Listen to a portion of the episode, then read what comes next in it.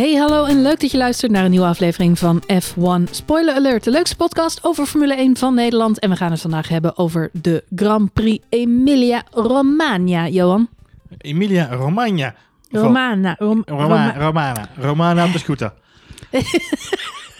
Eh, de Grand Prix van. Imola. Grand Prix van Imola. Imola. Laten we het daarover hebben. Zo.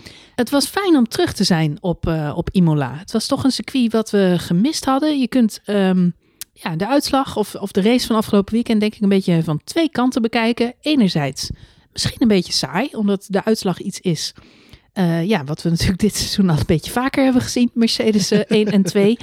Ehm, daarnaast is het een baantje, dat hebben we ook nadrukkelijk gezien, waar je niet zo heel makkelijk in kunt halen. Aan de andere kant, Johan, zijn er genoeg dingen gebeurd eh, ja, waar we het wel even over kunnen hebben. Ja, eh, het, het was toch wel weer, er gebeurde toch weer van alles inderdaad. Wat mij opviel, en volgens mij zei jij het zelf ook al, ehm, eh, die auto's leken wel enorm op deze baan. En ik weet niet, we hebben ze natuurlijk al een keer het echt gezien, maar het, de klassieke auto's zijn ook allemaal wat kleiner. Dus ik was wat archiefbeelden terug aan het kijken in, in aanloop deze wedstrijd. Toen dacht ik, oh, eigenlijk wel een prima baantje en het gaat eigenlijk wel. Maar als je dan deze auto's ziet, ze zijn echt huge. Eh, Op deze baan lijken ze echt enorm. Ja, het valt wel op dat de auto's inderdaad groter zijn geworden. Zeker als je de oude beelden weer erbij ziet. Eh, ik hoorde wel Max Verstappen zeggen na, ik geloof de, ik wou zeggen de eerste vrije training, Ja, maar er was, de enige er vrije was de eerste en de enige vrije training, er was er maar één. Ehm, dat het hem mee was gevallen. Hij zegt, je verwacht dat er weinig plek is. Eh, maar die was er toch wel. Wat grappig is, enerzijds kon je er voor geen meter inhalen. We hebben echt een paar coureurs compleet vast zien zitten. Mhm. eh, achter een andere coureur was gewoon niks aan te doen. En aan de andere kant moeten we het vandaag hebben over een paar hele goede inhaalacties. Die, die uiteindelijk toch... eh, ik, zie, ik, ik proef een contradictie. Ja. ja, het is eh, een lastig verhaal inderdaad. Maar eh, laten we beginnen met ja, misschien de auto die het meest bepalend was voor deze wedstrijd. Safety car. De safety car. Safety car. Ja, en dan heb ik het niet alleen over de echte safety car, maar ook over de virtual safety car. virtuele vriend. Ja. Nou, het was in die zin, vind ik, ik, ik hou van strategische races waar het allemaal een beetje op zijn plek valt door eh, dat teams of coureurs voor een bepaalde strategie kiezen. Eh, daar paste deze Grand Prix goed tussen. ja, dat wel op inderdaad, ja. Moet ik zeggen dat de heer Hamilton behoorlijk gematst werd door de virtual safety car situatie. Ja, hij had daar wel wat bonusseconden te pakken inderdaad, ja. Wel grappig, hij werd na afloop werd hij gelijk door de BBC geïnterviewd. En zeiden ze van, joh, eh hey, wel mazzel hè, die, eh, die safety car. En toen was hij een soort van, hij uh, een, deinsde even achteruit zo van, ja, maar ik had hem toch? Op die report zei, ja, nee, je had hem ook wel. Maar het is toch wel mazzel dat je er een paar seconden extra te pakken had.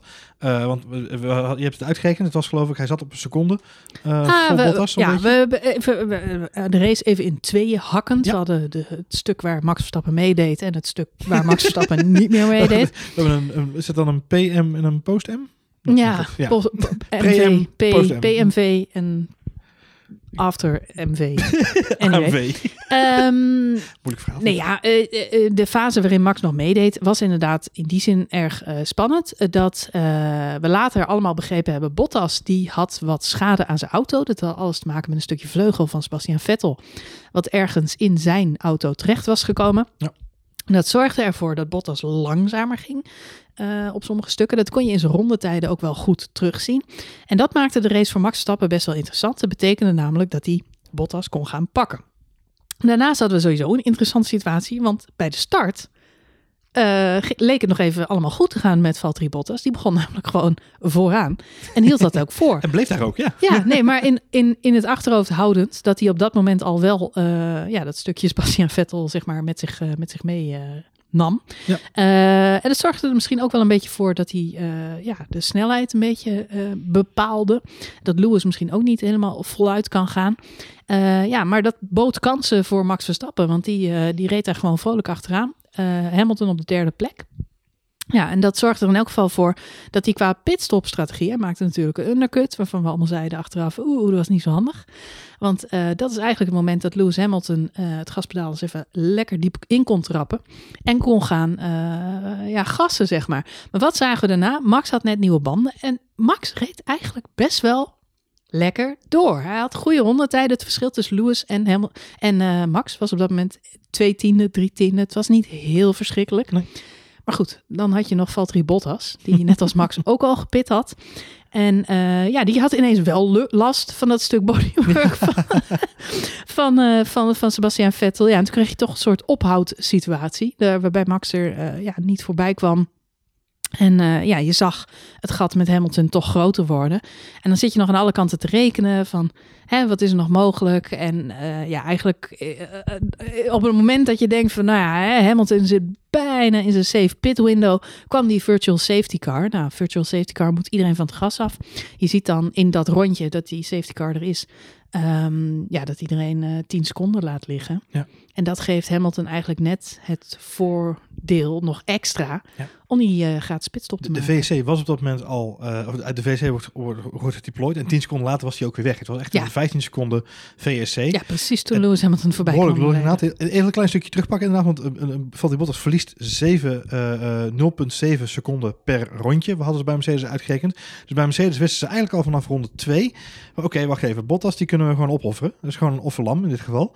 En we hebben Bottas nodig om te zorgen dat we Hamilton, dat we Verstappen kunnen dekken met de pitstop bij Hamilton. Nou, dat hebben ze natuurlijk best wel aardig gedaan. Uh, dan gaat die VC die komt eruit voor Ocon, uh, die met een, uh, met een schakelprobleem staat in zijn, in zijn gearbox. Um, maar het vreemde is, hij is er inderdaad maar 15 seconden. En dat is wel, weet je, hij had hem, hij had hem gecoverd, denk ik. En daar hadden we het na thuis al heel snel even samen over. Van, zou hij hem gehad hebben? Ja, waarschijnlijk wel.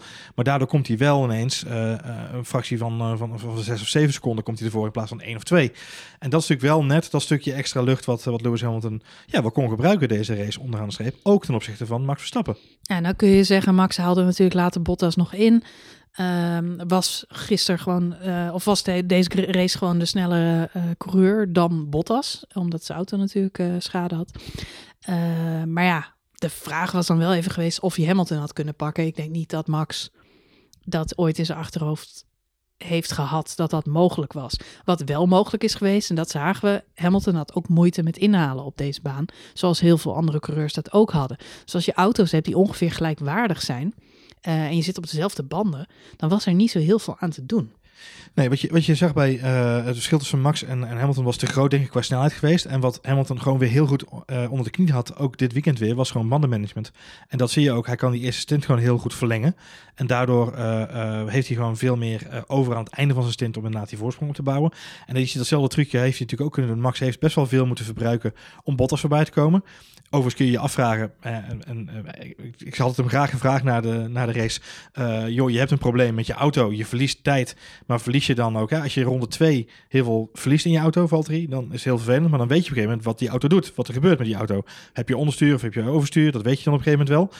Uh, hoe kan het dan toch dat je nog steeds met dat Max Verstappen je voorbij komt, alle kanten opgeleid in die, uh, in die bochten waar je op een gegeven moment ook de fout maakt ja, ik, gaat. ik blijf dat soort dingen toch een beetje verpand vinden. We hebben na afloop heel veel gehoord dat Bottas er allemaal niks aan kon doen. Dat dat stuk, uh, hebben we het op Twitter allemaal voorbij zien komen, een groot stuk Ferrari kwam uit zijn werd uit zijn auto uit gehaald. de hoge voet, ja.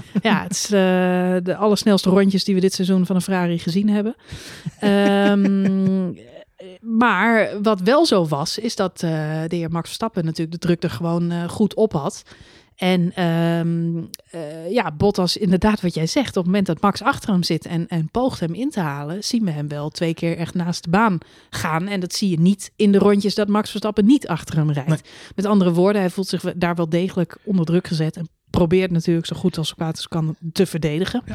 Uh, maar ja, dat zijn wel inderdaad de momenten dat hij ineens wel en waar we het vaak over hebben, het aanpassingsvermogen van Valtteri Bottas is gewoon toch wat beperkt misschien in, uh, in dit soort gelegenheden. Vorige uitzending hebben we het gehad over dat hij een bepaald strijdplan heeft en dat dan inderdaad wind of regen of wat dan ook, hè, roet in het eten kan gooien in zijn, uh, in zijn strijdplan. En nu is het natuurlijk een, een auto, een, een defect aan zijn auto. Ik weet niet of uh, Valtteri Bottas op drie wielen de Grand Prix van Engeland had kunnen winnen.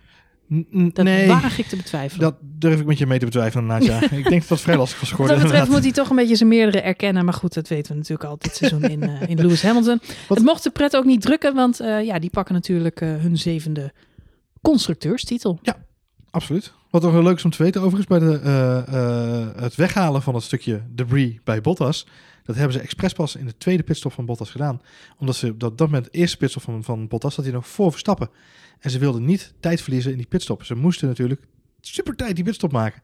Het is een beetje, het doet me een beetje denken aan zo'n uh, politieserie op Veronica. Dan ligt er iemand bekneld onder het wrakstuk. Ja. Ehm, dan gaan Maar aan de reclame. Oh nee. nee, maar dan, dan, krijg, dan, dan zeggen ze altijd: we kunnen niet het wrakstuk verwijderen. Want als we dat doen, dan gaan de interne bloedingen zorgen ervoor dat de patiënt meteen overlijdt. Dus Ja. je kunt beter het trauma laten zitten. We knippen de auto om hem heen weg. Ja, precies. Ja, ja, ja. En die personen die zijn dan ook nog. Het schijnt, is niet alleen in series, maar het schijnt echt zo te zijn. De personen die. Dat werken. dus zo, Ja, zolang het bloed maar gesteld wordt. Maar dat doet me dit een beetje aan denken. Zo van we laten het stukje Ferrari maar even zitten in de Mercedes. Ja. Nou, ik vond het een hele frappante... Kijk, de, de reden is, je, het- je zegt natuurlijk, het is heel logisch, want het kost ze extra tijd in een pitstop. Ja. Maar je moet dus erover nadenken. Ze, hebben, ze kiezen er dus bewust voor om een auto eh 17 van een seconde langzamer te laten zijn op de baan. Mhm. Eh, in plaats van dat ze een pitstop verliezen. Eh, verliezen tijdens de pitstop, maar dat ding verwijderen.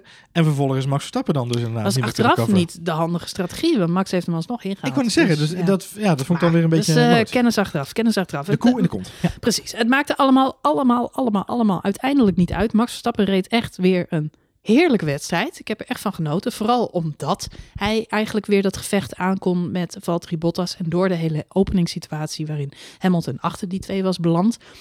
zat er ineens misschien ook nog meer in de kaart. In elk geval had hij die tweede plek eh, veilig gesteld. Dus... ehm, nou, eh, hè, tweede plek is altijd alweer dik vet winst ten opzichte van, eh, van derde worden. Dus eh, het zag er eigenlijk naar uit dat het een mooie dag zou gaan worden. Maar helaas, helaas.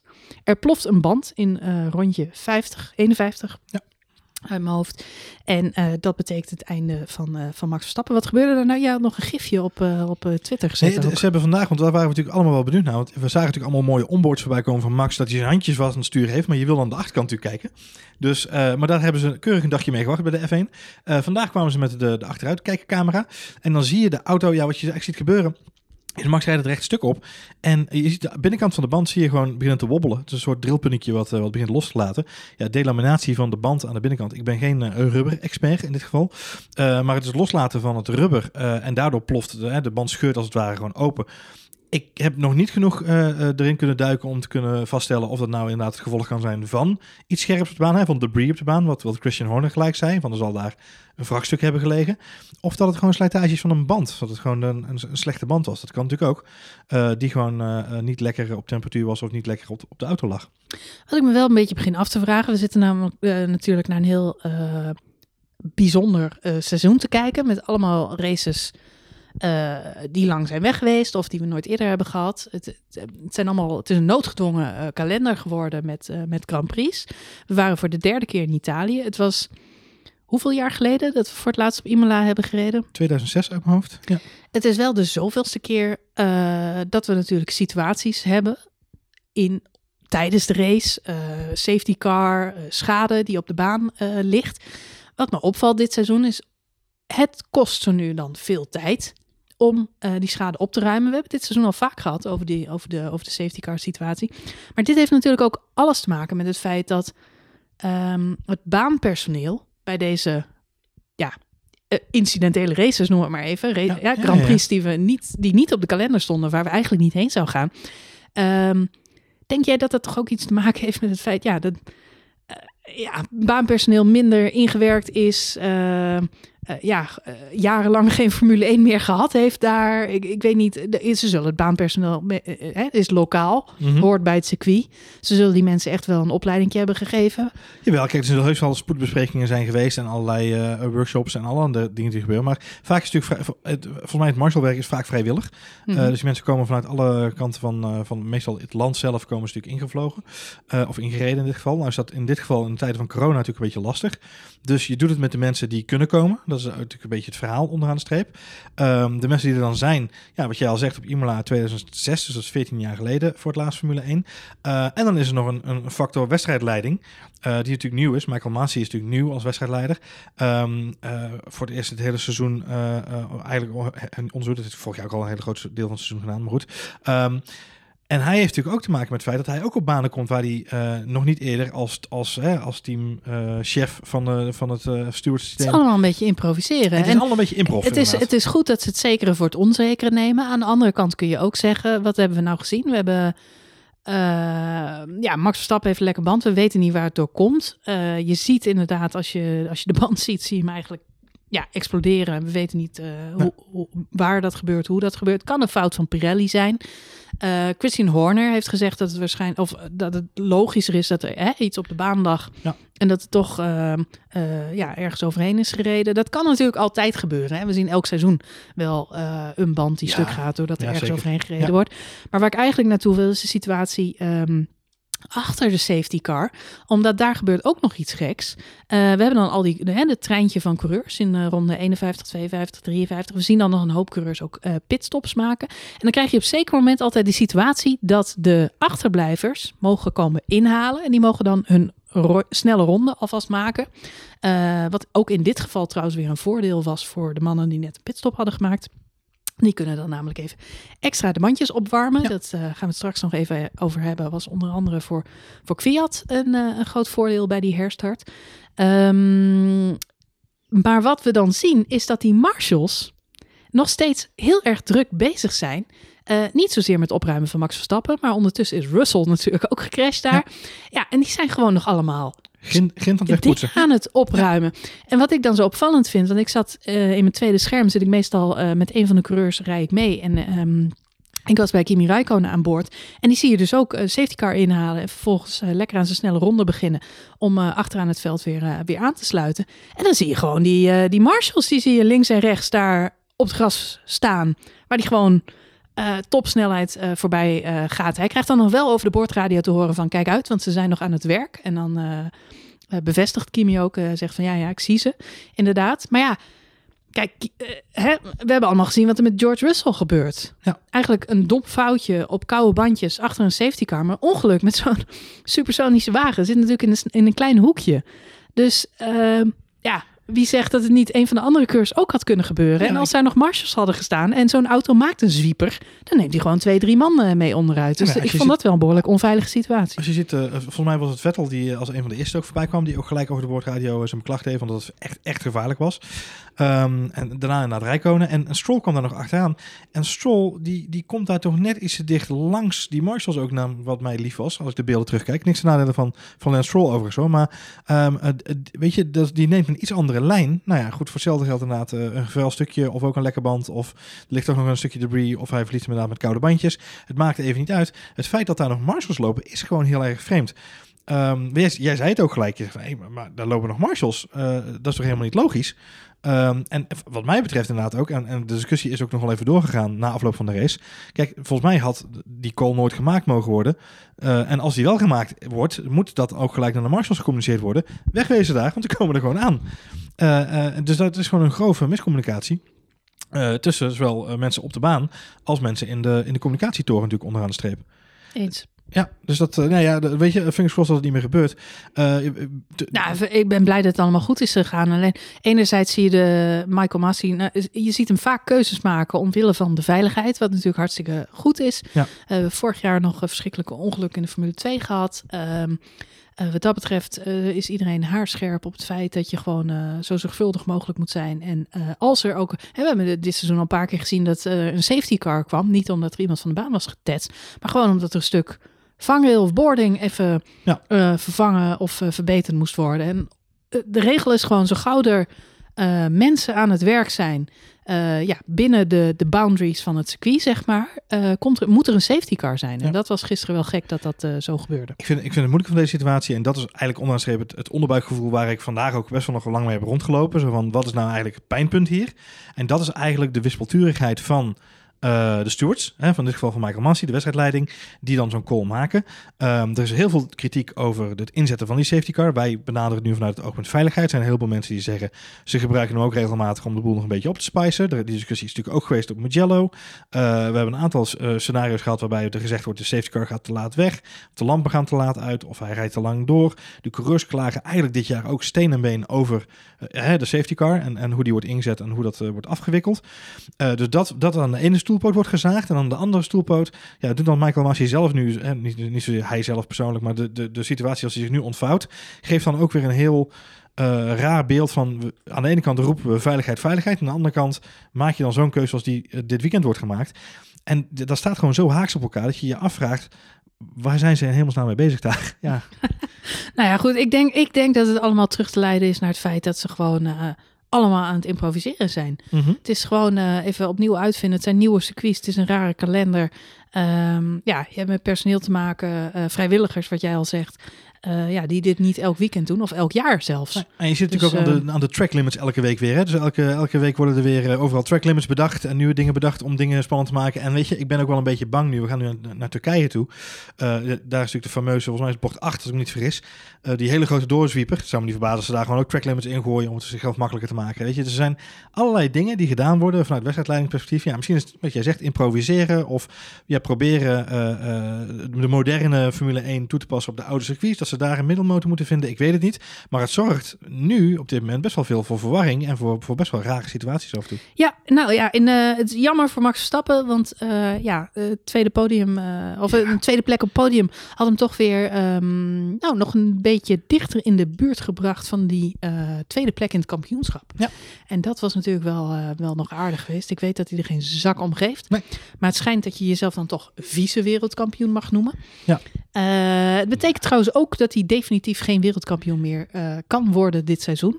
En daarmee ook het record de jongste wereldkampioen aller eerlijk- tijden. Eerlijk uit zeggen, Marjolein, nu ik dit weekend dat snorretje van Bottas heb gezien, vind ik dat de enige echte vieze wereldkampioen. Jezus. Dat, dat Het snor- is toch verschrikkelijk. Hè? Ja, ik weet ook niet wat hij bedacht heeft. Ik zei, wat, ik, wat ik al tegen jou zei, we weten in ieder geval nu met z'n allen wel hoe het zou zijn geweest als Nigel Mansell en Kekke Rosberg samen een liefdesbaby hadden gekregen. Ja, daar wordt de wereld niet blij van. Wat erg is, is dat hij op zijn Instagram daadwerkelijk een foto van zichzelf heeft gepost. Blijkbaar 's ochtends al. Oh. Hij had zich geschoren. Het heeft hij dat, dat snorretje dus. Laat, Laat staan. Ja, En dan heeft hij dus zo'n zo'n polletje, weet je wel? Dat je zo die hartjes, Ja, ja. emoji, hartjes emoji kunt Ja, ja. sliden. Slide, ja. sliden. Ja. Dus, eh, dus ik slide naar nul. Ja. Do not like. Ja, Maar dat was niet de most common answer. De most common answer was, was, was 90% like. ja. Ja, maar jij bent niet van de Bottas, van de Bottas-bende, hè? Want eh, als je de Bottas-bende stemt allemaal voor Valtteri natuurlijk. Ja, Of zoals Cristiano beter, zegt, Valtteri. hij had beter zo'n AB-testje kunnen doen. Maar dat vindt hij denk ik eng. Zo'n halfsnorretje bedoel je? Nee, dat je die percentages echt zo in beeld ziet. Oh, in plaats van die slide emoji. Maar Leuk. ik ben wel benieuwd of je er in Nou, ik Turkije vond het wel een die beetje eh, Freddie Maar het- het Mercury. te Freddie Mercury Want to Break Free. Ja. Ja, maar het schijnt te maken te hebben met Movember. ja, daar is hij nu al klaar mee. Dat is, wel, dat is dan weer lekker had makkelijk. hij in één dag had Ja. hij, had hij zijn snor. Hij denkt, als ik dan niet de snelste op de baan kan zijn, dan maar de snelste met een Movember. potente man, Johan. Een potente man. Had hij zo snel. Op 1 november had hij hem al staan. Nee, sterker nog. het- Ja, nee, op 1 november had hij hem 1 al staan. had Nou, eh, knap. klaar, hup, afgevinkt. Knap, hop, check. Zo kan ik het ook met de doellijstje Moet, afvinken. moet je nagaan hoe hij er aan het eind van de maand uitziet. Ja, hij was ook Dan heel kan hij circusdirecteur worden. Hij is, op, hij is op 31 oktober ook gewoon gestaan met stoptober. hij is op zaterdag zei de jongens, ik stop met roken. Gedaan! Jongen, jongen, jongen, jongen. Nee, zo kan ik het ook. Met zo'n met zo'n instelling word je nooit wereldkampioen.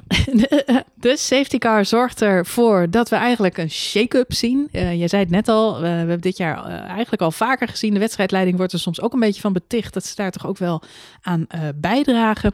Want inderdaad liggen alle kaarten ineens op tafel. We zien eh, George Russell, die aan het begin van die safety car eh, situatie ineens op een tiende plek ligt. Nou, ik denk dat iedereen in de huiskamers thuis dat eh, vrij snel geconstateerd heeft en zoiets heeft van, hè hè, eindelijk kan die jongen punten gaan halen. Hij reed tot die tijd keurig twaalfde, elfde. Nou, als Max Verstappen dan uitvalt, dan wordt hij tiende. Dus zag er allemaal hartstikke goed uit. Maar Ja, wat goed. doet de heer Russell? Ja, die doet een eh, dommetje. Die doet een, Die doet een eh, die- grosjeannetje. Die doet een grosjeannetje inderdaad. ja. ouderwets Of eigenlijk, eigenlijk een Ericssonnetje moet je zeggen. Ja. Hij was erg kwaad op zichzelf. Het, eh, Olaf Mol die zei het geloof ik ook al, maar het deed me inderdaad een beetje denken aan eh Mieke Hakkinen op Monza. Die Ja. echt even tegen de vangrail aan eh, moest zitten om te wenen, zoals dat heet. Hij hield zijn helm op, maar hij zag er ook behoorlijk eh, verdrietig en gefrustreerd en boos uit. ja, dat snap ik ook wel. Ja. En ehm, ja, nou ja, dat snap ik inderdaad ook wel. Wat wel zo is, hij heeft daar na, na afloop heeft hij natuurlijk ook nog allemaal comments in de media gemaakt. Heeft in interviews na afloop gezegd dat hij het heel stom vindt van zichzelf. Hij heeft van alles op eh, Twitter, Facebook, Instagram, weet ik veel waar hij allemaal op zit, gezet. Op Eh, Tinder heeft hij het ook gezegd, Op ja. Tinder heeft hij het ook gezet. aan mijn loser. Swipe niet te hard naar links, want dan zit ik tegen de muur aan. En ehm, wat opvallend is, is dat hij eh, ontzettend veel reacties heeft gehad eh, uit de racewereld. Ja. Waaronder Toto Wolff, Ja. Lewis Hamilton, Ja. David Coulthard en Damon Hill. Ja. Eigenlijk elke bekende oud Formule 1 of huidige Formule 1 of, eh, of eh, Engelse autosport eh, naam. ja, heeft gereageerd met don't beat yourself up. Ja, dit, kan Dit gebeuren, kan jochie. gebeuren, ja. ja. Ehm, het bruggetje wat ik eigenlijk wilde maken is het feit dat hetzelfde niet gezegd kan worden over die arme, arme, andere onfortuinlijke jonge jongen, Ja. Alexander Albon. Ja. Johan, kun jij mij uitleggen waarom George Russell, wat toch een beetje het lievelingetje is van Formule 1 minnend eh, ja, Nederland, eh, de wereld überhaupt, Ja, wel de wereld inderdaad. Ja. eh, hoe het toch komt dat iedereen echt een grote, grote knuffel en armen om George Russell heen slaat. Maar Albon gewoon met pek en veren de Formule 1 wordt uitgestuurd. Ik, ik heb veel berichten gelezen van mensen die zeggen... hij, hij verdient het niet eens meer om terug te gaan naar AlphaTauri. Hij verdient het eigenlijk gewoon om de Formule 1 uitgeschopt te worden. Zo slecht is hij. Ja, dat, dat vind ik schokkend, hè? Want we hebben natuurlijk in exact dezelfde situatie gezeten met Pierre Gasly. eh, eh, vorig jaar, eh, halverwege het seizoen, die gewoon ook net zo'n dramatische eh, eh, periode had bij Red Bull. Of misschien nog wel, misschien nog wel dramatischer in sommige opzichten. Ehm, nee, ik, kijk, je vraagt mij, kan ik het verschil aanduiden? Nou ja, dat, dat is heel lastig. Kijk, het enige wat ik je kan meegeven, waar ik veel over nagedacht heb daarover, is... ehm, George Russell rijdt bij Williams. Mhm. Dat is de afgelopen vier seizoenen, drie seizoenen, zo'n beetje de, het langzaamste team op de grid. Ehm, en dat iedereen weet, dat is een beetje de. eh, er wordt een beetje vergeleken met, met eh, Fernando Alonso toen hij bij Minardi ging rijden in 2001. Toen hij zijn debuut maakte in de Formule 1, eh, deed hij dat ook bij Minardi, het langzaamste team op de grid. En daar had hij ook dit soort. er zat zelfs nog in het filmpje van de race hier in Imola dat, dat hij de curb verkeerd pakt en vervolgens vol de muur in klapt in de, op, de, op de baan. Ehm, dus daar wordt veel het vergelijk mee gemaakt dat hij bij een lager team begint en daardoor hij mag groeien en hij mag stapjes maken. Albon zit natuurlijk gelijk bij Red Bull, het team waar het allemaal moet gebeuren. Eh, is natuurlijk een hoop omheen geblazen door media, pers en social media. Dat dat wel eventjes, eh, hij zou wel even laten zien hoe het ging, eh, ging, ging lopen daar bij Red Bull. En dat heeft hij zelf nooit gedaan natuurlijk. En Red Bull zelf eigenlijk ook niet. Dus ja, ik weet het niet. Ik denk dat het toch dat het de, de, de, de, de goggles zijn, de bril zijn die we opzetten. Ehm, van eh, we kijken door de bril van Red Bull of we kijken door de bril van Williams. Eh, en ja, George Russell is natuurlijk ook, ja, weet je, hij is daar ook wel heel open en eerlijk in. Ik rijd bij Williams, we zijn een van de langzaamste auto's op de grid. Eh, ze zijn alle, alle vier, die jongens die, de Twitch Quartet worden ze genoemd, zijn sympathieke gasten. Albon, Leclerc, Norris en, ehm, en ehm, eh, eh, Russell. Zijn allemaal sympathieke gasten. Alleen, eh, eh, William, eh, eh, Russell is niet bang om zichzelf eh, eh, ook een beetje op de hak te nemen in dit soort gevallen. Dus misschien is dat een beetje hetgene wat hem het voordeel oplevert. Eh, en weet je, bij Williams heb je wat meer de luwte, om zo maar even te zeggen. Dat is het enige wat ik me kan voorstellen. Dat laatste wat jij zegt, ik denk dat dat het verhaal is. Want om heel eerlijk te zijn, ik, de- eh, ja, eh, Albon is ietsje ouder. Hij is 24, eh Russell's eh, 21, maar het zijn generatiegenoten. Ze komen uit dezelfde eh, Formule 2 lichting, samen met inderdaad die andere twee knakkers. En wat je wel ziet, is dat ze inderdaad, ze maken allemaal een andere learning curve door. Eh, ze zitten bij andere teams. Als je ergens kritisch op kunt zijn dit seizoen en vorig seizoen, dan is het hoe Red Bull met zijn junior talenten omgaat. Ik denk dat we met Max Verstappen, misschien heeft Max Verstappen daar wel voor gezorgd. Max Verstappen is natuurlijk zo'n uitzonderlijk talent. Eh, al op zeer jonge leeftijd, die ervoor heeft gezorgd dat het leek dat dat eigenlijk allemaal wel kon. Zo'n jongen van 18 jaar gewoon in een Red Bull zetten en, eh, en lekker laten rijden. Max heeft dat waargemaakt. Maar jongens als, eh, als Gasly en Albon lukt dat gewoon niet zo snel. En dat is ook niet zo gek, want de meeste coureurs zien we gewoon in deze sport. Ja, hebben die jaren wel nodig. En, Russell ja. had dat seizoen vorig jaar. Die heeft keurig zijn, zijn races gereden. Dat was ook eh, veel tijd om gewoon eh, data te verzamelen en die auto sneller te maken. Dit seizoen is hij echt gretig en op jacht naar een punt. Maar op dit moment begint het een beetje een, eh, een hulkenbergje te worden. Mhm. Hij is zo verschrikkelijk bezig met dat ene punt binnen Harken. Dat het nu volgens mij al de derde keer is dat hij het verprutst op het moment dat hij in die punten rijdt. We hebben hem dit eerder zien doen, ook al in Italië. Ja. En, en nu gebeurt het weer. Ja, we hebben eh, eh, even, even terugpakken naar het vorig, vorig jaar hadden we natuurlijk Hockenheim. eh, die, die bizarre race in de regen. Waar, waar die ook ruim voor zijn toenmalige teamgenoot eh Kubica reed. Daar spint hij zelf ook uit. Kijk, dan kun je nog zeggen, het regent, lastige omstandigheden. Uh, ja, daar ging zelfs Hulkenberg eruit. Daar ging zelfs daar deed Hulkenberg. zelfs Hulkenberg een Hulkenberg. Nee, maar daar had Hamilton en Leclerc en al die gasten hadden daar allemaal moeite. Dus, dus daar zijn dan nog verzachtende omstandigheden. Maar als je dit jaar bekijkt, uh, begin van het seizoen Oostenrijk, kwalificeert hij fantastisch. Uh, gelijk al aan het begin. Rijdt hij een fantastische eerste en tweede ronde daar in Oostenrijk. Brengt hij die auto al naar P11. En dan ga je ervoor zitten en denk je, nou, dat gaat gebeuren. En dan maakt hij zelf een stuurfout, waardoor die auto de grindbak ingaat, of in ieder geval van, van het asfalt afgaat. En rijdt hij weer helemaal achteraan. Volgens mij spint hij, geloof ik inderdaad. Rijdt hij weer achteraan. Nou ja, je noemt zelf al Mugello inderdaad. Um, daar reed hij naar de safety car op de negende plek. Uh, maar bij de herstart heeft hij uh, de fameuze wheelspin te pakken. Uh, spint hij op de baan, of heeft hij wheelspin aan de achterkant. En wordt hij door twee auto's ingehaald. En rijdt hij gewoon elfde. Ja, geeft hij het ook zelf weg. Ja, weet je, we zijn...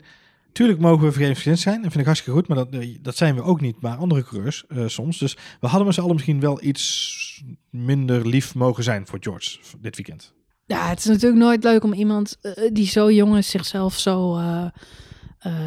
Ja, boos te zijn op zichzelf. En het is natuurlijk ook, ook heel sneu. En, um, maar goed, het blijft wel opvallend hoe Albon eigenlijk al, al maandenlang te horen krijgt dat hij niet goed genoeg is. Ja, wat voor Albon heel vreemd is, want jij zei het al even, het juniorenteam van, van Red Bull, hè, de, de drempel die daar gelegd is door Max Verstappen.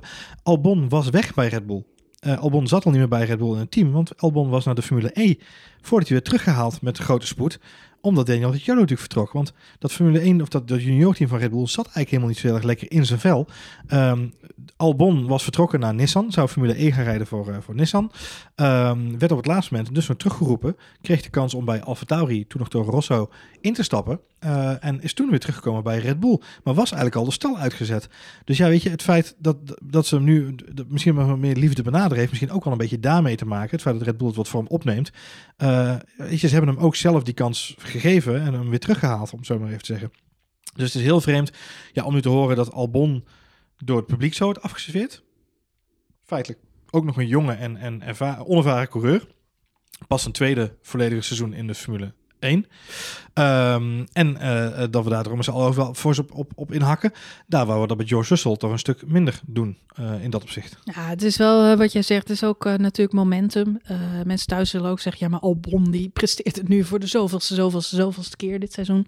Om gewoon niet te presteren. Wat jij zegt is wel waar. Zijn team blijft hem onvoorwaardelijk steunen. Um, Christian Horner en um, Helmut Marko hebben dit seizoen, of hebben dit weekend weer... Uh, laten weten dat Albon natuurlijk gewoon het seizoen uit gaat rijden. En dat hij nog steeds de kans krijgt om, uh, om zich te bewijzen. Het zou dus niet alleen om deze twee races gaan, gelukkig maar voor Albon. Want deze twee races die gingen niet zo goed. Nee.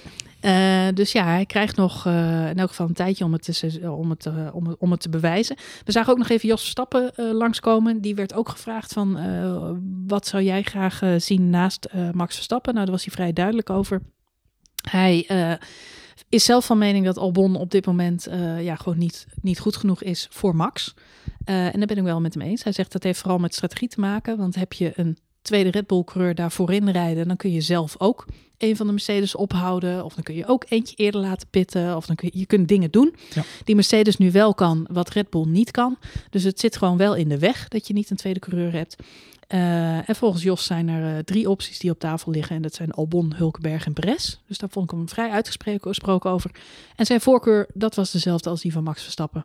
En uh, ja, dat zou dan Nico Hulkenberg zijn. Ja, nou, dat zou natuurlijk vanuit ja, vanuit ook ons publiek gezien uh, de voorkeur hebben. We hebben natuurlijk na de race gelijk even een polletje... Ja, je had geloof ik 99% Nico Hulkenberg. Ja, zo'n zo beetje inderdaad. Ja. 85 of 60% van de stem inderdaad. En, de rest en was al 10% voor Perez, toch? 10% voor Perez en dan een kleine marge die zei van... ja, maar dan toch maar misschien Helmut Marco uh, uh, de mond snoeren en Gasly alsnog dan binnenhalen. wat ik ook opvallend vond, want als je de kans krijgt... zou ik dat toch zeker wat meer overwegen dan Perez misschien. Maar goed. Um, nou ja, Sergio Perez en, en Nico Hulkenberg worden genoemd inderdaad als... als, als de mensen die op die plek kunnen gaan zitten. Um, ja, ik, ik, ben heel erg benieuwd of dat de mensen zijn die uh, wel gaan bereiken wat, wat Red Bull natuurlijk op dit moment zoekt. Um, Jij zei zelf uh, voorkeur voor Perez. Jij denkt dat Perez de enige van de drie is die nog iets kan ten opzichte van Max Verstappen. Nou ja, het, zijn, het zijn twee dingen die voor Perez spreken. Uh, wat voor Perez spreekt, is zijn leeftijd. Hij is drie, vier jaar jonger dan Nico Hulkenberg. Uh, dus qua, qua durability van je project, je moet er rekening mee houden dat op het moment dat het 2022 is, 20, uh, eind 2022 slash 2023, dat de kans vrij groot is dat Max Verstappen uh, uit het project stapt. Als op dat moment nog steeds geen wereldkampioen auto is. Eh, en dan komen natuurlijk op andere plekken stoeltjes vrij. Ehm, dat zal zeker ook bij, eh, bij de grotere concurrenten gaan gebeuren, denk ik. Ehm, dan moet je daar wel iemand hebben zitten die nog in ieder geval even mee kan, om het zo maar even te zeggen. Ehm, een Nico Hulkenberg past meer bij... Of sorry, een Sergio Perez zou wat meer in de rol van Mark Webber passen. Die we natuurlijk ooit, hebben aangenomen als eh, tweede coureur naast de Vettel. Um, ja, heeft gewoon de ervaring. Is in staat om, uh, om uh, ook inderdaad uit de hoge route ineens een podium te toveren. Dat heeft hij de afgelopen jaren natuurlijk al helemaal laten zien. en is ook iemand die niet bang is om een risicootje te nemen en wat meer uit de auto te persen. Dan moet ik eerlijk zeggen, ik val je daar even in de reden. Maar ik zie Perez dit seizoen toch vooral podio, podi, podiums weggeven. Ja, met dank aan zijn team natuurlijk. Hij heeft dit seizoen niet één keer op het podium gestaan, terwijl er toch een aantal podia voor het grijpen lagen. Ja, ja maar goed, nou, ook dit weekend is hij natuurlijk weer benaderd door de strategie van zijn team. Wat inderdaad een totaal waardeloze zet was van, uh, van Racing Point. Waarom ga je nee, godsnaam die jongen naar binnen halen, terwijl die dan op de derde plek ligt met we, vrij laten nieuwe banden. Laten we eerlijk wezen, um, uh, in het huidige wereldkampioenschap, Sergio Perez um, uh, heeft twee races gemist. Uh, vanwege zijn, uh, zijn COVID-besmetting. Uh, um, en heeft op dit moment gewoon nog steeds een, een behoorlijke puntentotaal weten Ja, hij staat zesde in het kampioenschap, dus op zich dat is allemaal hartstikke netjes. Maar aan de andere kant zie ik Perez toch ook wel af en toe een paar keer... Ah, jij, vindt, jij vindt Perez te risicovol? Ik vind hem te agressief. te agressief. Maar ja, goed, ja. dat vind ik, vond ik van Ricciardo eigenlijk ook altijd wel. Het is een beetje een liability. Het is iemand die je in de weg zit. Hulkenberg... Overigens denk ik dat Perez het wordt hoor. Uh, want je kunt iemand het meest sympathiek vinden. Ik vind Hulkenberg natuurlijk uh, tien keer sympathieker als, uh, als coureur. En ik denk dat Max en Jos het ook gewoon ja, leuk vinden om die gasten bij te hebben. Maar onderaan de streep zal bij Red Bull de afweging zijn: hoe krijgen we Max op zijn scherpst? Mm -hmm. En nou weet ik niet of dat nodig is om Max nog, Max nog scherper te krijgen dan dat hij al is. Uh, ja, je zou ook kunnen zeggen, Perez is toch wel een liability. Dan krijg je weer het verhaal wat je met Ricciardo ook had. Uh, Perez gaat natuurlijk wel aanvallen op Max Verstappen. En ja. dat is natuurlijk even nou, niet de bedoeling. Dat was ook een beetje mijn punt. Er zijn ook twee dingen die namelijk tegen Sergio Perez spreken. Eén daarvan is het feit dat hij met een zak met sponsoren komt. Die willen allemaal stickers op die auto hebben van Red Bull. Mm -hmm. uh, ik vraag me af of ze daarop zitten te wachten. Uh, want ja, het is leuk dat hij wat centjes meebrengt. Maar aan de andere kant, het moet ook allemaal op die auto passen. En op die, op die overals. En het moet er allemaal bij. Dus ik weet niet of ze daar bij, bij Red Bull heel vrolijk voor worden. Dat is een, een, een, een, een niet zozeer een hele grote plus, maar meer een, een twijfelachtige. Maar het grote nadeel is, iedereen weet, Sergio Perez is niet bang om mot te krijgen met zijn teamgenoot. En uh, Esteban Ocon kan dat beamen. Die weet het als geen ander. Nico Hulkenberg ging oké okay met Perez. Uh, maar waarom? Omdat ze alle twee elkaar de ruimte lieten. En uh, Hulkenberg, en dat is de grote naam van Hulkenberg, inderdaad wat braver is in dat opzicht. En wat minder het risico zal zoeken. Aan de andere kant, Nico Hulkenberg zou een ideale David Coulthard zijn. Ja, nou dat, dat is wel een beetje waar ik het brugje wat ik ook wilde maken daar met veel Mark Webber en uh, David Coulthard. Sympathieke gast. Ja, Prima en... tweede rijder. Ik gun hem echt nog een keer het podium. Dat, wacht, dat duurt nu al zo lang. en als je in een Red Bull zit, dan gaat dat er gewoon komen. Moet ik bedoel, zelfs ja, Albon is het uiteindelijk gelukt. het zal wel zijn enige blijven dit seizoen, ben ik bang. Uh, maar ja, dat, als uh, Nico een beetje zijn best doet en af en toe zit het een keer tegen of er valt een keer een uh, Mercedes uit. Meestal zal dat Bottas zijn. maar ja, dan, dan kan hij alsnog eens een keer zijn podiumplekje pakken. Bij Red Bull weten ze gewoon heel erg goed, en dat is ook het brugje wat ik wilde maken. Dus het is fijn dat jij hem complimenteert voor mij inderdaad. Dat inderdaad waar uh, Perez de Webber is uh, en we allemaal nog weten multi-22 of multi-21 uh, Vettel en Webber die elkaar natuurlijk van de baan aftetsen daar waar ze het niet hoefden te doen of in ieder geval met elkaar aan de stok kregen. dat was natuurlijk af en toe gewoon olie en vuur bij elkaar. Um, was het Coulthard wat meer de, ja, de, de begeleidende uh, coureur. Is hij veel meer rust en, regelmaat brengt hij in zo'n renstal. En misschien is dat wel veel beter voor de, uh, voor de samenwerking met Max. Weet je, uh, aan de ene kant kun je zeggen, we gaan, we gaan voor, de, voor de punten. Aan de andere kant kun je zeggen, we gaan voor de stabiliteit. Ja, weet je, bij Mercedes zullen ze ook zeggen, kies nou niet voor, voor de punten en voor de heibelende tent. Want stabiliteit brengt je uiteindelijk veel meer. Ja, ben ik met je eens. Nou ja, goed, we gaan het zien. Het team van Red Bull heeft aangegeven dat ze nog even de tijd hebben om deze keuze te maken. Wat in elk geval interessant is, dat is dat dit weekend wel een beetje door is geschemerd dat het tussen deze drie coureurs gaat. Uh, Red Bull zegt zelf dat ze nog steeds heel erg hopen dat Albon het wel gaat waarmaken en dat ze niemand hoeven te vervangen. Maar ik denk toch dat we volgend jaar een coureurswissel gaan zien. In dat team. Wat natuurlijk ook nog zo kan zijn, is dat uh, al deze coureurs die op dit lijstje staan en misschien nog een aantal andere uh, volgend jaar nog in vragen zijn als reservecoureur hier en daar. Uh, vorige week was natuurlijk ook de week waarin bekend werd gemaakt dat Kimi Räikkönen en Giovinazzi nog een een weekje wou ik zeggen, een jaartje blijven, blijven ja. bij, bij Alfa Tauri.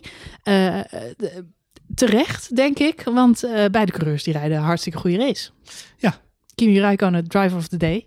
Niet alleen mijn persoonlijke driver of the day, maar ook uh, deze keer uh, door het publiek zo gekozen. Ja. Giovinazzi had wederom een berenstart. Ja, wel leuk. Hij had vandaag uh, in een interviewtje laten weten dat hij allemaal oude beelden heeft teruggekeken van klassieke races op Imola.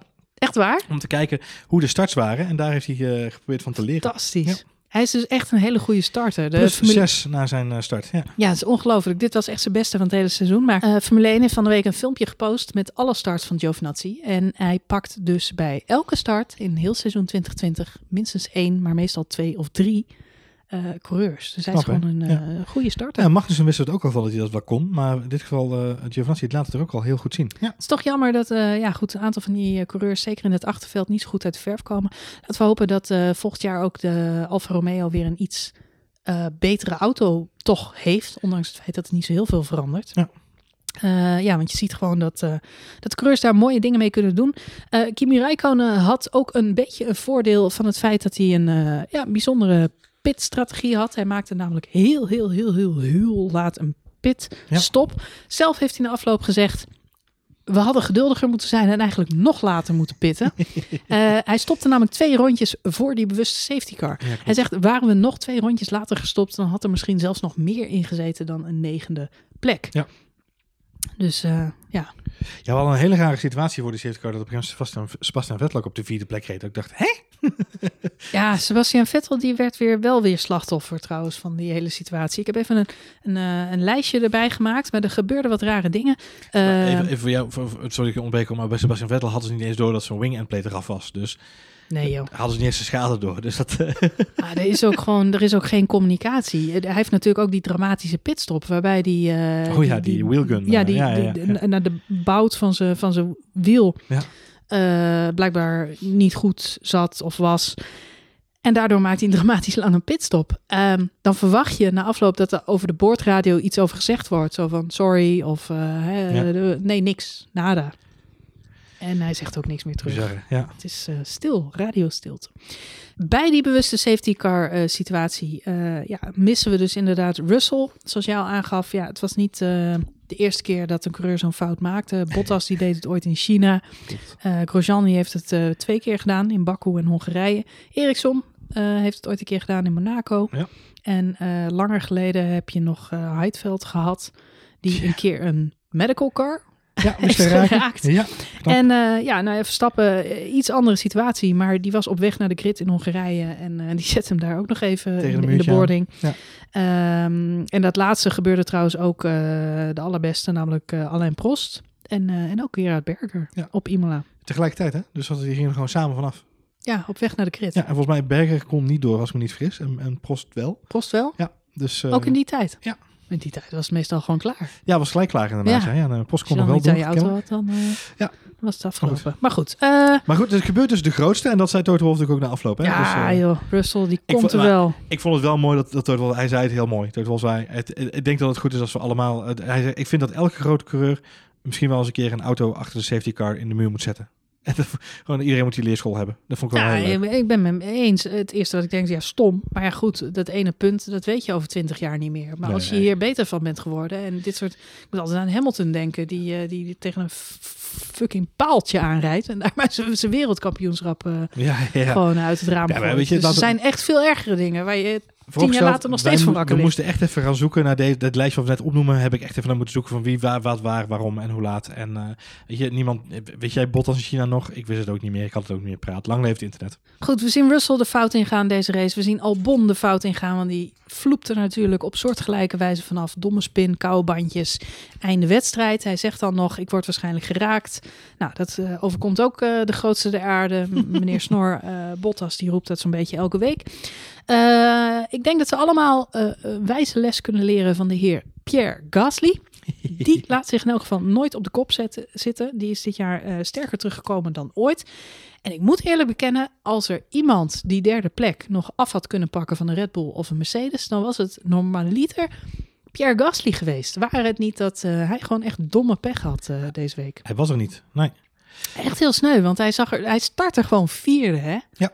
Hoe bizar. Hij had een fenomenale uh, kwalificatie. Uh, daarvoor had hij al een fenomenale training. Dat geldt overigens ook voor Kviat. En dat zagen we natuurlijk ook terug in de wedstrijd. Hè? Daar Kviat gaan we zo nog even over hebben, denk ik. Uh, maar je, ziet gewoon, die AlphaTauris hadden gewoon een dijk van een, van een weekend. En reden in de, in de laatste training, wou ik zeggen, de enige training, reden zij gewoon net zo snel of zelfs sneller in de, in de longrun simulatie die ze gedaan hebben dan de Mercedes'en. Uh, dus het gaf aan dat ze echt wel uh, uh, goed wisten waar ze aan toe waren. Um, ik weet niet of het geholpen heeft, maar ze hebben een filmdag gehad op Imola, een tijdje geleden. Dan mogen ze met de oude auto mogen ze de baan op daar en dan mogen ze in ieder geval wat, wat, wat, promotiemateriaal filmen, tussen quotes. Um, en dan mogen ze 100 kilometer rijden. Nou, ik denk toch dat ze daar stiekem toch wel wat voordeel mee hebben kunnen pakken.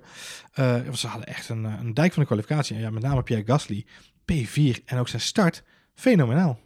Ja, hij lag goed op koers. Overigens wil dat niet zeggen dat je echt een voordeel hebt als je nog op Imola gereden hebt. Want het schijnt dat Lance Stroll ook even het circuit heeft afgehuurd. Ja. Formule 2 wagen heeft besteld om even lekker te oefenen. Dat kan natuurlijk als je rijk bent. Ja.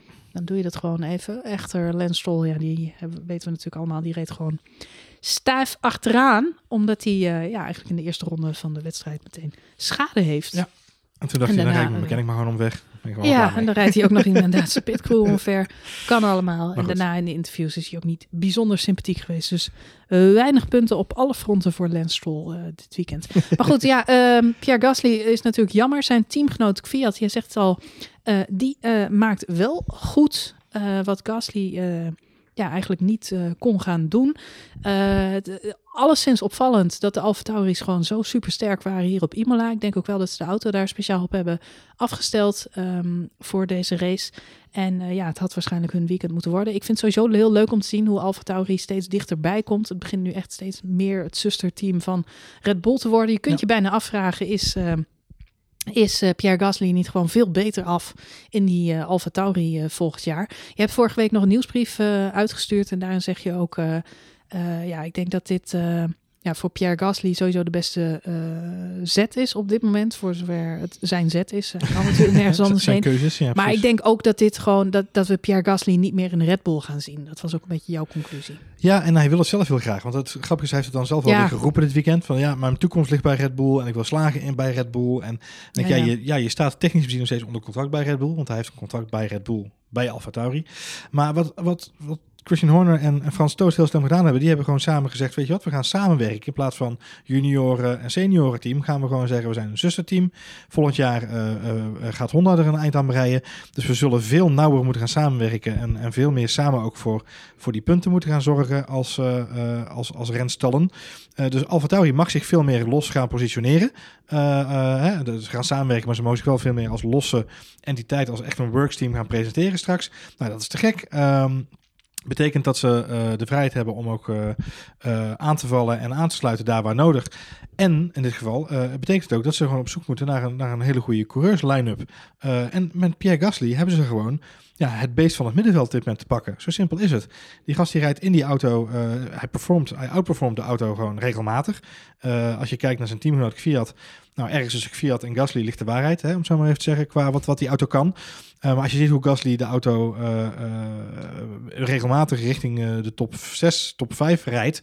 Ja, dat is gewoon fantastisch. Nou, dat, is, dat, is, een, een samenloop van omstandigheden. Dat heeft te maken met de auto, hoe die, hoe die auto gebouwd is en hoe die werkt en hoe die bestuurd moet worden. Maar ook met het team wat daar gewoon zit bij AlphaTauri. Je ziet gewoon dat het een heel ander soort team is dan Red Bull. En ik denk dat het voor Pierre Gasly alleen maar fijn is als hij daar de komende twee jaar lekker kan, kan bouwen aan zijn carrière. Ja, jij hebt zelf ook al gezegd, ik weet niet of je uiteindelijk nog daar dan heel lang blijft rondhangen. Maar of hij dan bij Red Bull blijft feesten, dat denk ik niet inderdaad, nee. De vraag is ook even wie volgend seizoen zijn teamgenoot wordt. Kviat die reed uh, een bijzonder goede wedstrijd deze keer. Dat had hij ook wel een beetje te danken, uh, zoals een aantal andere coureurs trouwens ook, aan de strategie die het team daarbij bedacht. We hebben het net al even gehad over Alfa Romeo. Die hadden toch ook wel profijt van het feit dat ze een aardige pitstrategie hadden. Wat je eigenlijk zag, als je een beetje naar de rondetijden en naar de bandjes keek, dan was het dat het niet zo heel veel uitmaakte of je nou op hele oude banden zat of hele nieuwe banden. In elk geval die gele band, daar kon je een gigantisch lange stint op maken en die bleef eigenlijk best wel constant in rondetijden.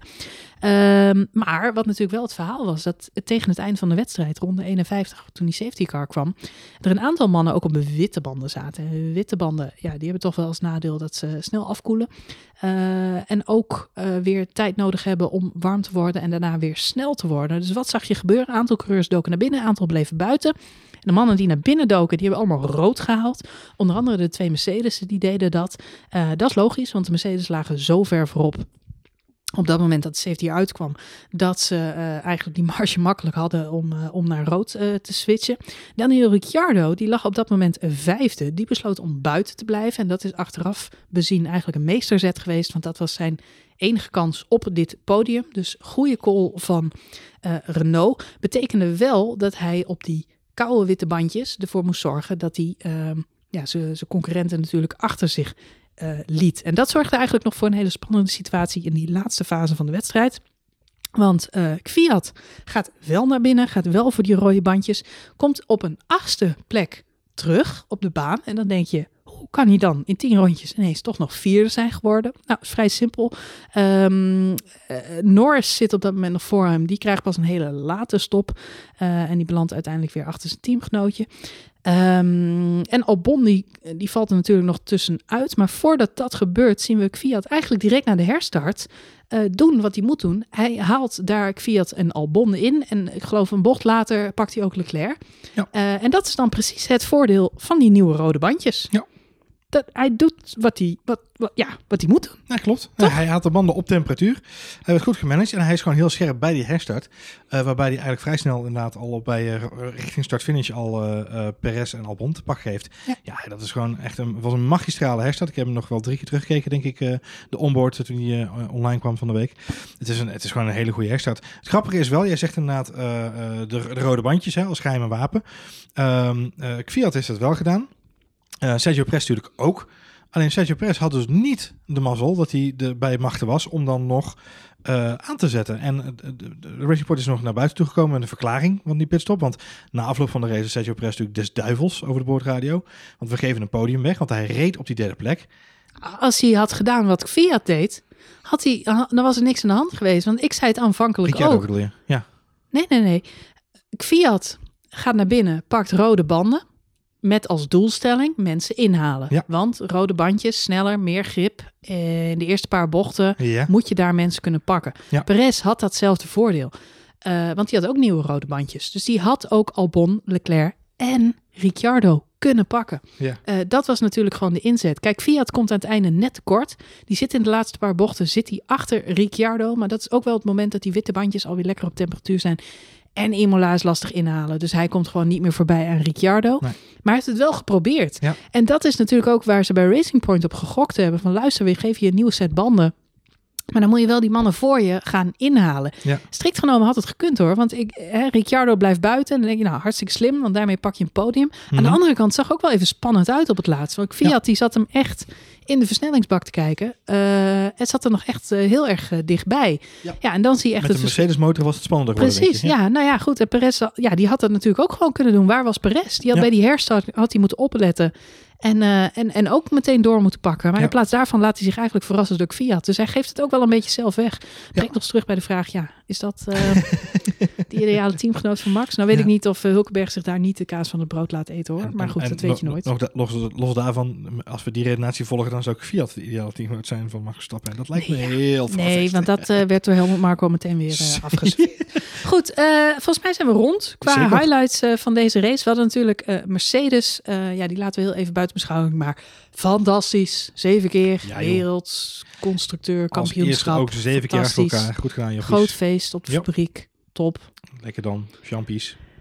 Ja, Ja, op naar het volgende record, hè? op naar het volgende record. Ik eh, bedacht me wel dat het volgens mij krap werd met de pole positions van Lewis Hamilton. Zijn eerstvolgende die die kan halen is volgens mij de 100 pole positions. Volgens mij is dat het dichtst bij zijn. Ja, en natuurlijk zeven keer wereldkampioen. Die krijgen we ook nog. Hij moet nu eh, van de laatste vier races drie keer een pole position pakken. Ja, dan heeft hij de 100. van de vier races moet, Moet hij hij drie pole drie positions, pole dan positions heeft hij pakken. 100, Dan ja. heeft hij de Hij staat op 100. 97 nu, dus. Maar hij kan, kan hij, hij kan nog niet volgende, eh, volgende race wereldkampioen worden. Eh ja, wel. Volgens mij wel. als Bottas, Als Bottas uitvalt. uitvalt. Ja. Man, man, man, man, man. Ja, dat soort rekenmachientjes eh ga ik voorlopig niet aan beginnen. Want dat, dan, dan, Ja, dan, hoe, dan, hoe dan als we ook. daar aan beginnen, mag dan nadat het einde van het Formule 1 seizoen We alweer... ontkomen er niet aan om nog een keer uitgebreid Oh. stil te staan bij al die prijzen en hoogtepunten van Lewis Hamilton. Maar dat Zeker. gaan we niet deze keer doen. Nee. Eh, desondanks natuurlijk. Gefeliciteerd. Mercedes. Yes. Hartstikke goed gedaan. Eh, we gaan afsluiten met de cijfers, Johan. Yes. Nou, laten we beginnen bij de winnaar van de race, Marjolein. Lewis Hamilton. Lewis Hamilton. Krijgt van mij een 9.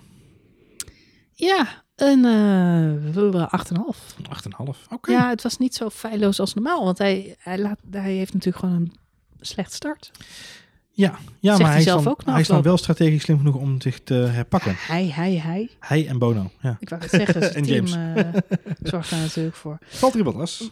Uh, Valtteri Bottas. Ehm, ja, die heeft natuurlijk een stuk Vettel eh, bij zich. Dus ja, Eigenlijk is dat een Valtteri en Seb samen. Wat, wat geven ze samen? jezus, kun je niet zoveel over zeggen. Eh, ja, Bottas, ja. Eh, beoordeel ik hem op zijn slechte auto of zijn prestaties? Zeven. Ja, ik heb hem 7,5 gegeven. Ja, ja, prestaties in het geval. Ja, maar Ja, goed. goed. Ja. We gaan door met Ricciardo. De Ricardo reed een dijk van de wedstrijd en krijgt van mij een 9. Ja, acht. Hij heeft Ja. natuurlijk uiteindelijk wel mazzel met eh, ja, het feit dat Kvyat Zonder geluk vaart niemand heel mooi lijn. Zonder Nee, absoluut. En ik ben heel blij voor hem. Het is hartstikke goed. Daniel Twee podiums. Nou ja, eh, het venijn zit hem in de staart en pakt hij goed aan. Dus eh acht. Nou, hij krijgt mij een 8,5. Charles Leclerc. Charles Leclerc, ja, krijgt mij standaard een 8. Standaard een Ja. acht. Ik vind het zo jammer dat we hem zo weinig zien. Hij, is ook, hij rijdt fantastisch goede wedstrijden eigenlijk. Voor zijn, want om, en dat zeggen we omdat hij in een Ferrari zit. En iedereen weet de Ferrari is bagger. En Seb Vettel, die rijdt samen met Kimi Räikkönen gewoon altijd ergens op de veertiende plek. Ja, maar voor onze volgende aflevering van de Complotcast moeten we misschien toch eens wat ver- verder in die, in die Ferrari garage duiken. Kijken of we kunnen achterhalen of, of Vettel nou wel of geen andere auto heeft. Succes, De complotcast eh, eh, kunnen we daar nog loslaten als je wil. Maar we zien Le- Leclerc weinig gebeeld. Weinig maar hij rijdt wel eh, goed. Aan de andere kant kun je zeggen, hij had ook een podium kunnen halen deze race. Zeker, Heeft hij niet gedaan. heeft hij niet gedaan. Maar dat ligt natuurlijk aan strategy plan D, plan D. Ja, blijft toch Ferrari. Wat geef je hem? eh, Eh, ik geef een 7,5. 7,5. Eh Perez. Perez krijgt mij ook een 8 deze race. Een 8. Ja. Waarvoor? Heeft gewoon hartstikke goed gereden. Ja, maar hij vergooit het podium. Hij had gewoon moeten doortrappen. Waarom valt hij niet aan? Doet hij niet eens eentje? Doet hij met zijn team samen, Marjolein? Nee, hij had rode bandjes. Als Kvyat het kan, kan Perez, kan Perez het ook. Had Perez het wel moeten doen misschien. Ja, vooruit. Een 6. Een zesje. Heel goed. Eh Sainz. Van mij een zesje. Ja, voor mij ook. Kleurloos. De McLaren zak weg. Ja, en, en wel een dingetje ook het kampioenschap. Het constructeurskampioenschap is natuurlijk nu vergeven. Maar eh, in de middenmoot, of eigenlijk om, eh, om de best of the rest positie, is het nog razendspannend. Eh volgens mij is het zo dat om plek ehm, drie, eh, v- eh, We hebben Renault en op... we hebben Mercedes, Red Bull. Renault staat nu op de derde plek met 135 punten. McLaren op de vierde plek 134 punten. En Racing Point op de vijfde plek ook met 134 punten. En Yes. daarachter komt Ferrari met 103. Alfa Tauri met 89. En dan denk je, what's next? Ja. Maar dan zak je een heel stuk naar beneden. Acht punten. Alfa. Alfa Romeo. Ja, precies. Drie punten. Dat is Haas. Haas. Ja. Nul punten voor Williams. Ja, dat is Williams. En dan komt de ander nog Minardi. Eh, nee, ehm, eh, eh, het, het is wel zo. Ik, ik ben bij McLaren ben ik heel erg bang. Die gaan nog een heel zwaar eh, einde van het seizoen tegemoet. Die, die zie je toch langzaam maar zeker het steeds zwaarder krijgen de afgelopen races. Dus ik hoop met grote, met grote H en een dubbel OMP dat, dat ze zich kunnen herpakken de komende race. Zeker op Turkije. En dan vanaf daar kunnen naar Bahrein kunnen gaan. Ehm, met hopelijk wat meer punten. Want ik gun ze heel erg die, die eh, derde plek in het kampioenschap. Uh, maar ik moet wel eerlijk zeggen, Renault en Racing Point, met name Racing Point, uh, uh, of sorry, Renault, de laatste twee races natuurlijk gewoon hartstikke goede prestaties in de vorm van Daniel Ricciardo. Die hebben zich echt wel opgericht weer in de tweede helft van het seizoen. Dus ja, McLaren weet waar ze aan, waar ze aan moeten beginnen, waar ze aan staan. Ja. Ja, goed, ze pakken in elk geval wel punten deze race. Dus dat moet je ze, Zeker, moet je ja. ze wel nageven. Maar Nou ik denk dat Zack Brown en uh, hoe heet die? Seidel niet, uh, Andrea Seidel niet echt tevreden huiswaarts zijn gekeerd. Nee, maar wat je dus heel erg goed ziet bij zowel Renault als bij McLaren deze race, uh, is dat de nummers 2, en dat is de kracht van McLaren. McLaren rijden, hè, Sainz en Norris staan bij elkaar. Uh, pakken alle twee punten. Bij uh, um, Renault zie je dat Ocon natuurlijk uitvalt met een, met een defect. En Stroll rijdt op de tweede laatste plek. Uh, met andere woorden, daar worden wel veel punten gepakt door Perez, maar Stroll pakt een nul. En dan heb je eigenlijk weer dezelfde discussie als die je ook bij Red Bull hebt. Als je tweede rijder of je, je andere rijder het nalaat om mee te scoren, ja, dan wordt het een taaie uh, strijd in het kampioenschap. Dus weet je, het voordeel van McLaren is dat ze wel twee coureurs hebben die in staat zijn om altijd de punten te rijden. Wat wel opvalt is dat Carlos Sainz het uh, tweede seizoen zelf iets beter lijkt te doen dan Lando Norris. Het hangt bij hun twee echt een beetje om het circuit. En ik zit me toch ook af te vragen of dit ook weer een beetje te maken heeft met de ervaring van Lando Norris. Want net als George Russell en Albon, ja. heeft hij natuurlijk nog niet zo heel veel Formule 1 races gereden. Nee, klopt. Dus uh, wat dat, dat betreft is dit ook ja. gewoon een leerjaar. Plus we zijn op circuits waar hij natuurlijk nog nooit eerder is geweest. Ja, geldt voor Sainz over het algemeen hetzelfde. Ja. Ja. Uh, maar goed, ja, het is toch opvallend ja. dat Lando weer achter Carlos staat. True. Maar goed, wat jij zegt, ze staan bij elkaar. Wie ook bij elkaar staan, uh, sorry, uh, Lando Norris? Een zesje. Bij zes, ja, ja, bij mij ook. Allebei de coureurs een zes. Uh, wie ook bij elkaar zijn, dat zijn Kimi Räikkönen en Giovinazzi. Ja, die krijgen ook alle twee een acht. Alle twee een acht? Alle twee een acht. Ja, voor mij krijgen ze allebei een acht en een half zelfs. Acht en een half zelfs, ja. Kijk, ja. dat is een puntje verschil. Hè? Ja, Heel zijn. blij. Wat leuk was, Kimi Räikkönen kreeg ook over de boordradio te horen P9. En uh, Giovinazzi uh, P10. So, uh, great day in the office. A great day in the office. Bij Alfa Romeo waren ze helemaal in hun nopjes. Ja. Overigens, uh, Giovinazzi ook weer een fantastische helm. Ja, dat doet hij aardig, hè? Dat doet hij goed. Dat doet hij goed. Nicolas Latifi, Marjolein, die rijdt daar gewoon op de elfde, elfde plek. plek. Dat zegt alles over het succes van, mogelijk succes van George Russell, denk ik dan maar. Um, wat, uh, Nicolas Latifi krijgt van mij gewoon een 7. Omdat hij elfde is geworden. Ja, heeft het keurig gedaan.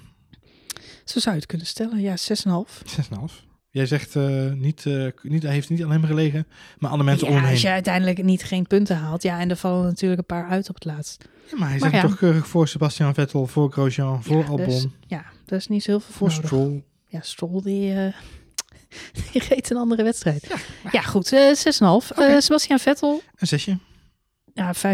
Slechte, slechte race van Sebastian Vettel. Maar ik vraag me af of hij uh, überhaupt nog uh, voor zijn lol uh, in de Ferrari stapt momenteel. Lance Stroll. Een vijfje. Ja, vier. Drama. Zo, hopla. Echt hartstikke slecht. Romain Grosjean. Een zesje. Ja, zesje. Die schijnen echt in een ontzettende rotbak te hebben gereden. Ja, allebei ook inderdaad. Ja, de Max is uiteindelijk gestopt. Kan al de hoofdpijn vanwege het opschakelen. Ja. En dat, ja, dat heeft hem geen, geen goed gedaan. Alexander Albon, Marjolein. Ja, vijf. Een vijf. En Russell ook. Ja, ja vijfjes, alle twee. Eens met Slecht. je. Ja. Slecht. Max, ja. Max Verstappen. Leren van, hè?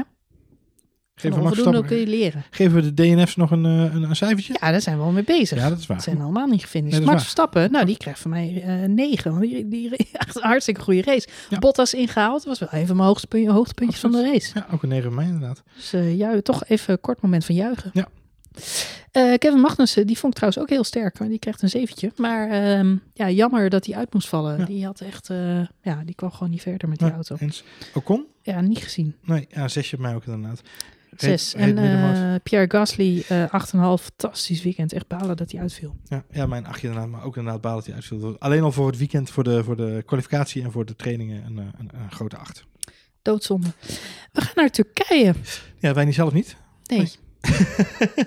en ik ben ook heel benieuwd wie er van de media wel ook die kant op gaat, om eerlijk te zijn. Het schijnt dat het nog even spannend is hoe ze er überhaupt komen allemaal. Ja, het wordt allemaal wel. eh, de, wereld gaat natuurlijk langzaam zeker meer op slot. Dus het wordt wel eh, spannend. Dit weekend was het natuurlijk al eigenlijk de bedoeling dat er publiek bij zou zijn bij de wedstrijd. Is op het laatste moment natuurlijk allemaal afgeblazen. We zagen wel wat mensen die daar natuurlijk wonen aan het circuit. Die dan op de balkonnetjes stonden om, eh, om te supporteren.